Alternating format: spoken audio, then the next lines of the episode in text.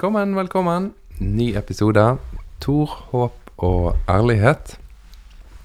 Takk for at du lytter, og tusen takk til deg som har registrert deg som patron. Det er veldig gledelig, selvfølgelig, og det sikrer eh, videre utvikling av podkasten. I denne episoden så ønsker jeg å legge et lite grunnlag for en eh, serie med flere episoder som henger litt sammen. Vi får se hvordan det går. Jeg tenker, og er helt sikker på, at du vil like denne episoden og få en del å, å tenke på. Eh, takk til dere også, det glemte jeg å si. Tusen takk til dere som sender meg tilbakemeldinger og spørsmål og synspunkter. Det er så kjekt. Og eh, som jeg har nevnt før, så skjønner jeg at dere vil eh, helst sende det privat. Det er nå engang sånn at i vårt eh, samfunn så har dette med tro og eksistensielle spørsmål og tanker om en skaper og en evighet Altså, det har blitt private tanker. Um, men det, legg merke til det er mange musikere, utrolig mange musikere, som er innom og, og toucher på problemstillingene og, og usikkerheten og håpet som finnes i, i troen. Så i, i, i, kunst og kultur og musikk så er det mye større åpenhet for å prate om eh, hva en tenker om de eksistensielle spørsmålene. Mye mer enn det er i, eh, i de vanlige foraene, i samtaler i, rundt eh, lunsjbord osv. Så, så Men jeg har i hvert fall forståelse for at dere sender privat. Jeg syns fortsatt det ville vært kjekt om noen av dere ville skrevet på Torhopp og ærlighet eh, Facebook-siden eh, de kommentarene og synspunktene dere har. Men jeg har veldig respekt for at det heller ønskes å være privat. Men ok, til dagens emne.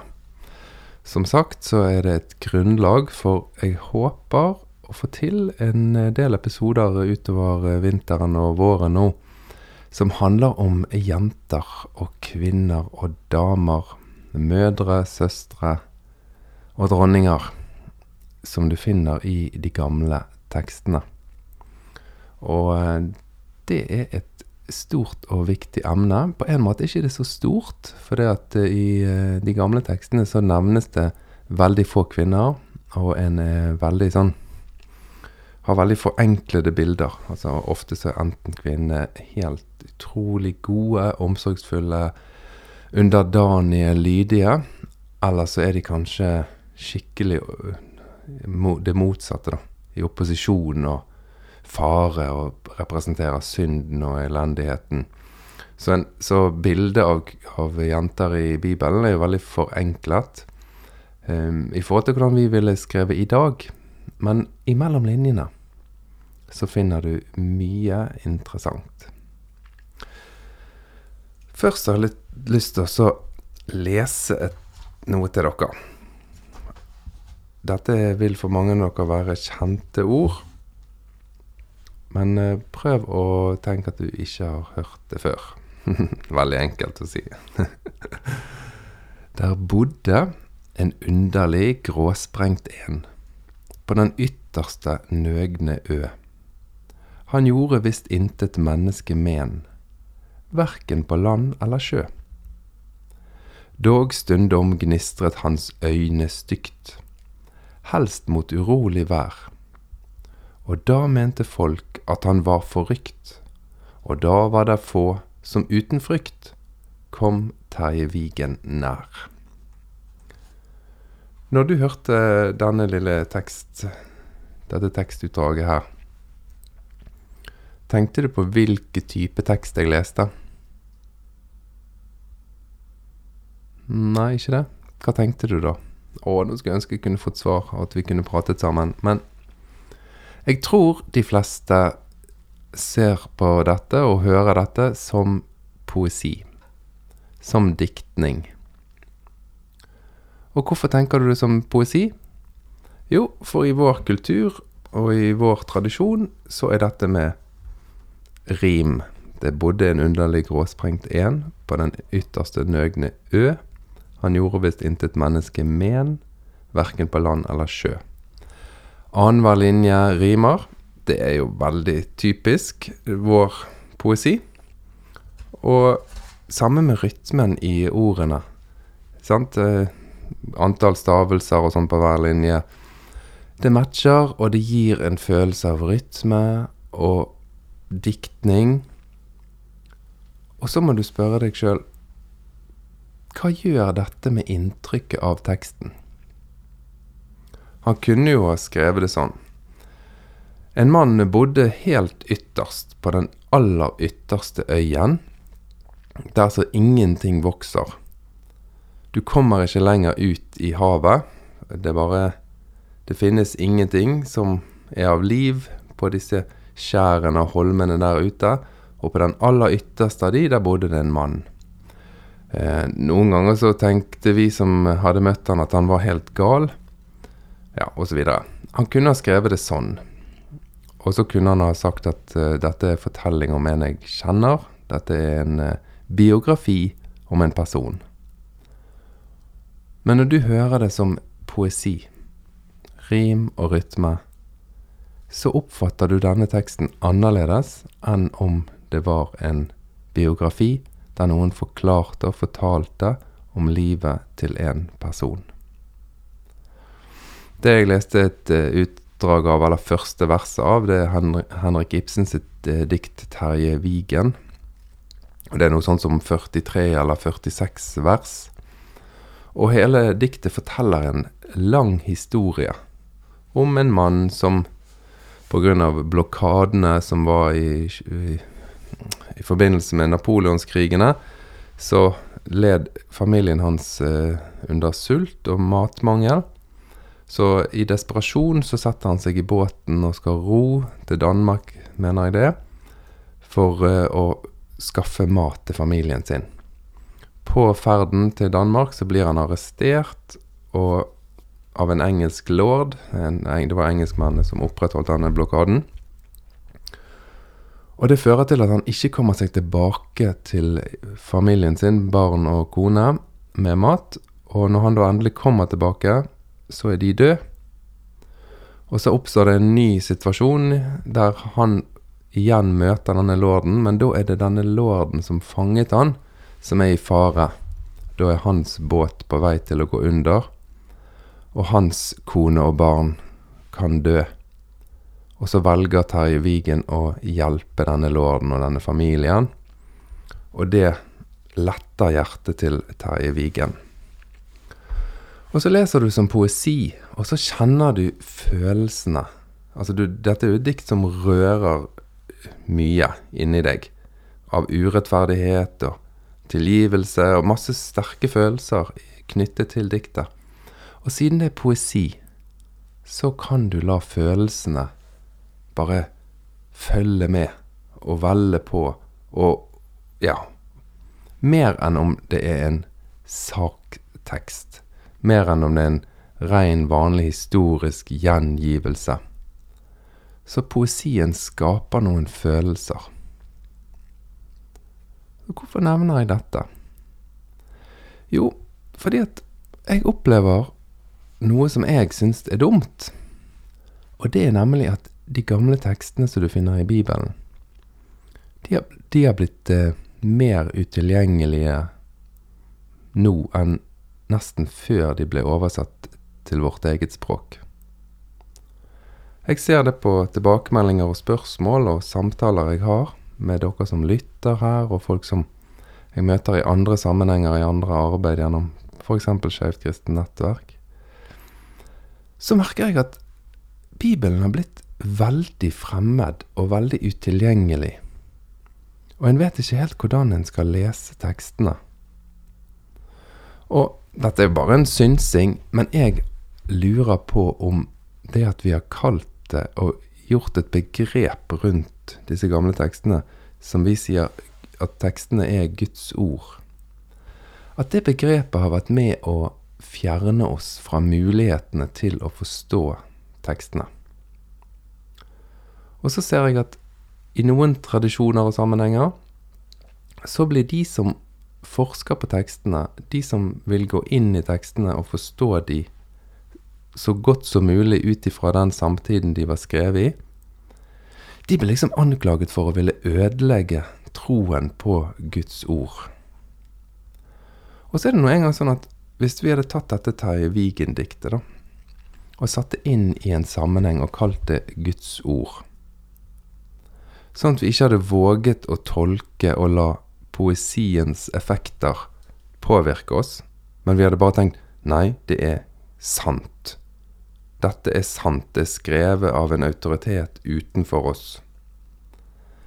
Hvordan hadde vi da forholdt oss til Terje Vigen-diktet? Hadde vi da tenkt sånn Nei, står det at han bodde på den ytterste nakne øyen? Ja, da er det den ytterste nakne øyen.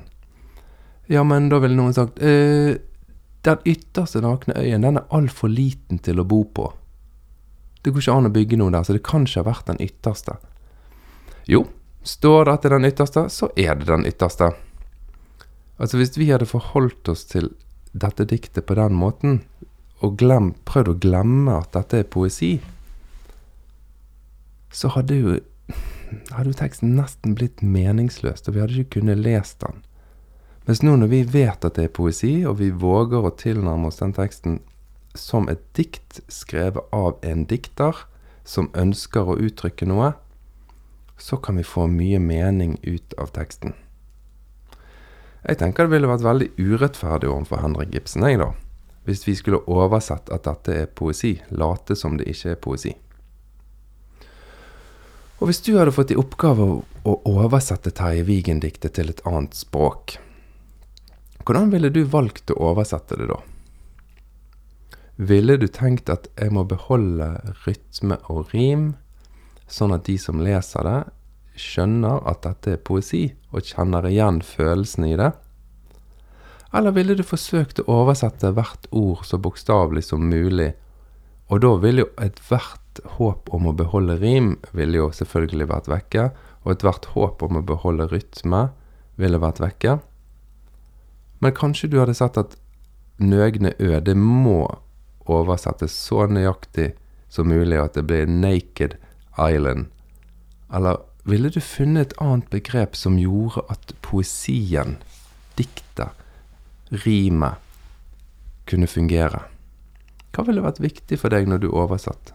skape følelsen, eller være så tro mot hvert ord og hver oversettelsesstavelse, komma, punktum, at det skulle være nøyaktig make. Noen av de samme problemstillingene har jo selvfølgelig de som har gjort bibeloversettelsene, møtt og tenkt mye på. Men jeg har lyst til å si at disse som forsker på tekster, og prøver å finne ut hvilke type tekster er dette? Disse tekstene som står i Bibelen, det som har blitt kalt Guds ord. Hvordan nærmer vi oss disse, og hvordan forstår vi hvilke av de tekstene som er poesi? Hvilke av de tekstene er en novelle? Hvilken av disse tekstene er sagn? Hvilke av disse tekstene er skrevet for å skape frykt i folk rundt, sånn at de skal forstå at de ikke kan tulle med israelsfolket, for da vil Gud ta hevn. Altså, disse som leiter sånn i disse tekstene, de er ikke ute etter å ødelegge tilliten til Bibelen. De er ute etter å forstå hva forfatteren i opprinnelsen ønsket å formidle. Og Det er en ganske krevende jobb, men det gir veldig mye mening, mer mening å lese de gamle tekstene når du vet hva de forskjellige tekstene er for noe. Så da kan vi kanskje spørre oss sjøl er Terje Vigen sann? Er det en sann fortelling? Ja, det er det jo.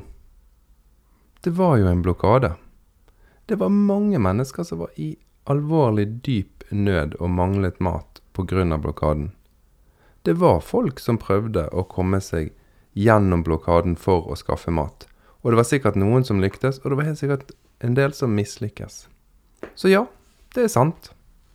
Ja, men levde Terje Vigen? Ja, kanskje. Kanskje han er representant for mange som levde? Kanskje det er en ganske eksakt fortelling? Kanskje det er en som Henrik Ibsen hadde hørt om, som en fortelling som har gått gjennom noen generasjoner for en mann som hadde gitt seg ut på denne ekstreme ferden. Eller kanskje det er bare fantasien til Henrik Ibsen som er koblet opp på historiske hendelser, sånn at han skaper følelsen av hvordan det var å leve i Norge under den blokaden. Men sånn sannhet i forhold til en eh, naturvitenskapelig utgivelse, det er jo helt uinteressant. Siden dette er poesi. Hadde han prøvd å skrive det som en historisk dokumentasjon på en reise, så hadde han neppe valgt diktformen. Og dette klarer vi fint å rydde i og kjenne på og forstå, siden Henrik Ibsen sitt Terje Vigen-dikt ikke blir kalt Guds ord. Men vi må, mener jeg, huske på at enhver forfatter som har bidratt i den store boken som har fått navnet Bibelen, og som også kalles Guds ord, enhver forfatter der er et vanlig menneske som levde i et vanlig samfunn i sin tid. Og de hadde andre begreper og andre måter å vise at noe var poesi på, enn det vi har i dag. Husk at svært mye av dette som er skrevet ned i de gamle tekstene i Bibelen, det er opprinnelig muntlige overgivelser. Muntlige fortellinger som har gått i arv, og som har utviklet seg og bygd på seg. Og veldig mye av det er da gjentagende tekster, sånn, der det går om igjen og om igjen og om igjen de samme ordene, bare med litt endring og et lite tillegg i neste linje, sånn at det skulle være lett å lære utenat, sånn at det skulle være lett å repetere, sånn at det skulle være enkelt å huske. Og det er veldig tvilsomt at de som lærte disse og utviklet disse fortellingene, at de så på de som historiske fortellinger. Det er svært usannsynlig at de tenkte på dette som Guds ord. Dette var fortellinger. Dette var fortellinger rundt bålet. Og de hadde helt andre kjennetegn på hva som var poesi, og hva som var fortelling. Og det gjør det ofte litt vanskelig for oss når vi leser Bibelen, for vi klarer ikke helt å skjønne ja, hva er dette for noe? Er dette poesi? Nå skal jeg ta et eksempel. Hvis du blar opp på Bibelens aller første side, så kommer det en skapelsesfortelling. Og den begynner sånn. I begynnelsen skapte Gud himmelen og jorden. Jorden var øde og tom. Mørket lå over dypet, og Guds ånd svevde over vannet. Tror du at de som fortalte denne fortellingen rundt bålsamlingen på kvelden med familien sin, Tror du de tenkte at dette er en nøyaktig gjengivelse fordi at de som har laget denne fortellingen, de var til stede når dette skjedde? Tror du at dette for de var en sånn vitenskapelig fortelling? Hvis du leser litt fra forskere som jobber med bibeltekster, så vil du finne mange som ser på skapelsesfortellingen som poesi. Fordi at han har en del kjennetegn som er typisk for poesi fra oldtiden. For eksempel, i vers 6 så sier, sier denne her, dette diktet, Gud sa det skal bli en hvelving midt i vannet. Den skal skille vann fra vann. Og vers 9. Gud sa Vannet under himmelen skal samle seg på ett sted, og det tørre land skal komme til syne. Vers 14. Det skal bli lys på himmelhvelvingen til å skille dag fra natt. Og da skal det store lyset herske over dagen, og det minste lyset herske over natten. Altså det var tre skapelsesakter.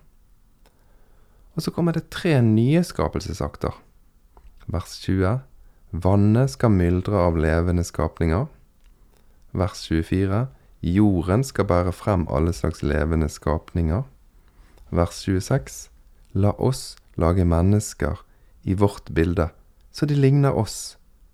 De skal råde over fisken i havet, og fuglene under himmelen, over feet og alle ville dyr, og alt krypet som det kryr av på jorden. Og Gud skapte mennesket i sitt bilde.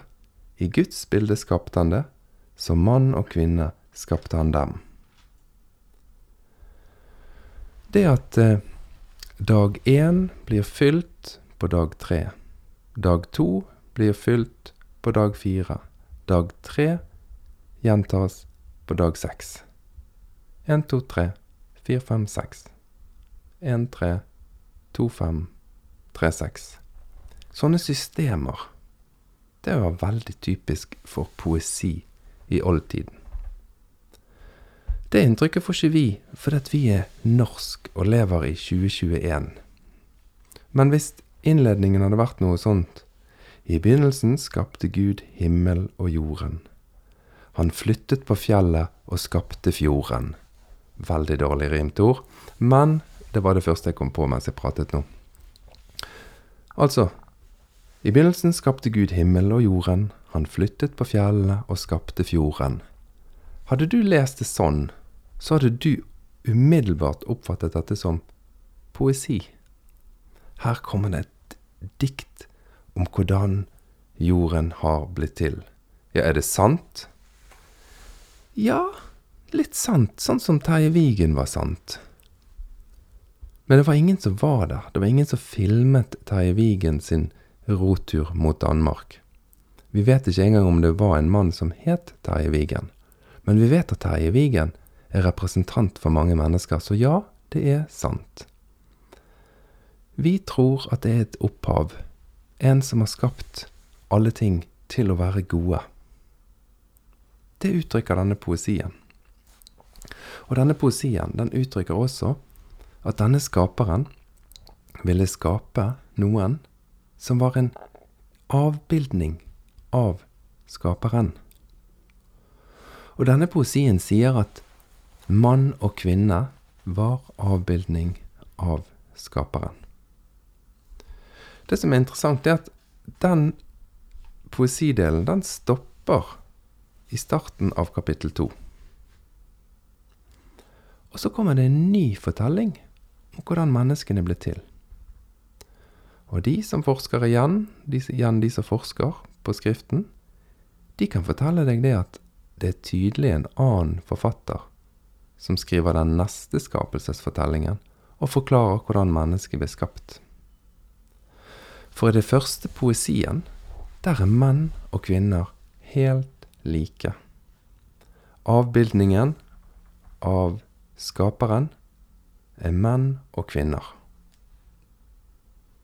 Mens i den neste fortellingen, der blir mannen skapt som en avbildning. Og avbildningen av mannen, det ble en kvinne.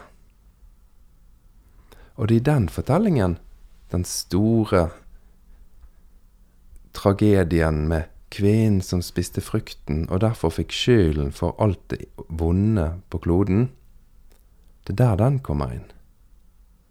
Så der er det en annen forteller, en annen fortellingskultur, en annen fortellertradisjon, som setter kvinnen et hakk ned i rang.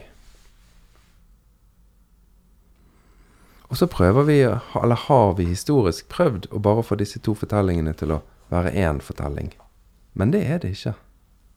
Og det vil de som forsker på tekstene kunne vise deg veldig tydelig. For det at fra kapittel to av, når det begynner en ny fortelling i vers fire, så er den strukturert helt annerledes enn den første poesien. Og her blir navnet til Gud også annerledes. Men det ser vi ikke på norsk. For det, ja, det blir skjult i oversettelser. Så folkens, når vi snakker om Bibels kvinnesyn, så må vi vite at det finnes ulike syn. Det finnes ulike kulturer. Og hvis vi hadde våget å tilnærme oss disse tekstene åpent, uten å være begrenset av ja, men dette er Guds ord, vi kan ikke drive og analysere og lure på hvilken form eller fasong disse tekstene er skrevet i, da kunne vi lett ha skjønt at her er det debatt Eller kanskje ikke det er debatt, kanskje det er bare ulike kulturer, og i noen, og i noen sammenhenger så har én tanke vunnet frem, og i andre sammenhenger så har andre tanker vunnet frem.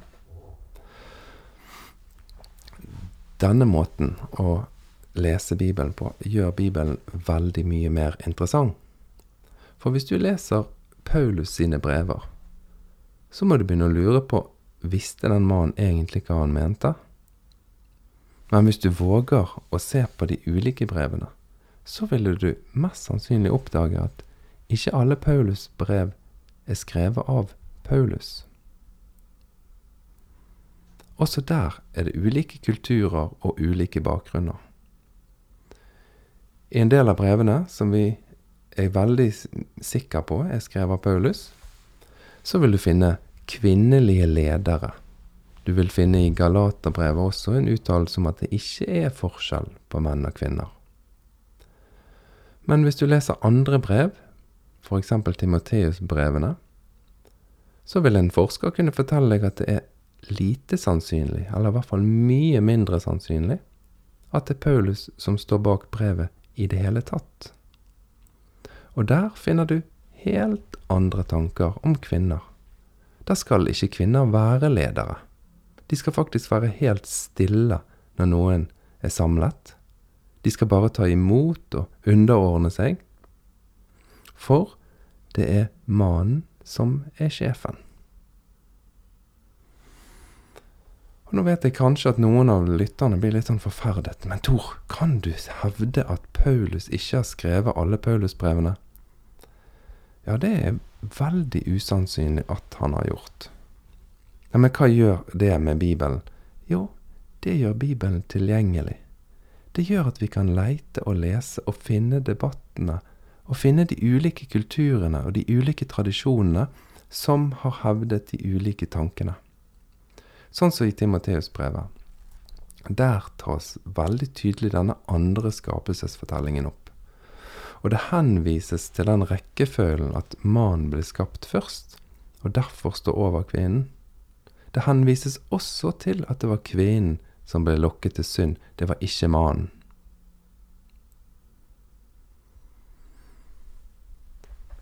Når du skal late som at alt sammen er skrevet av en forfatter, og alt sammen henger sammen, og ingenting er motsetninger i Skriften, da blir Skriften utilnærmelig.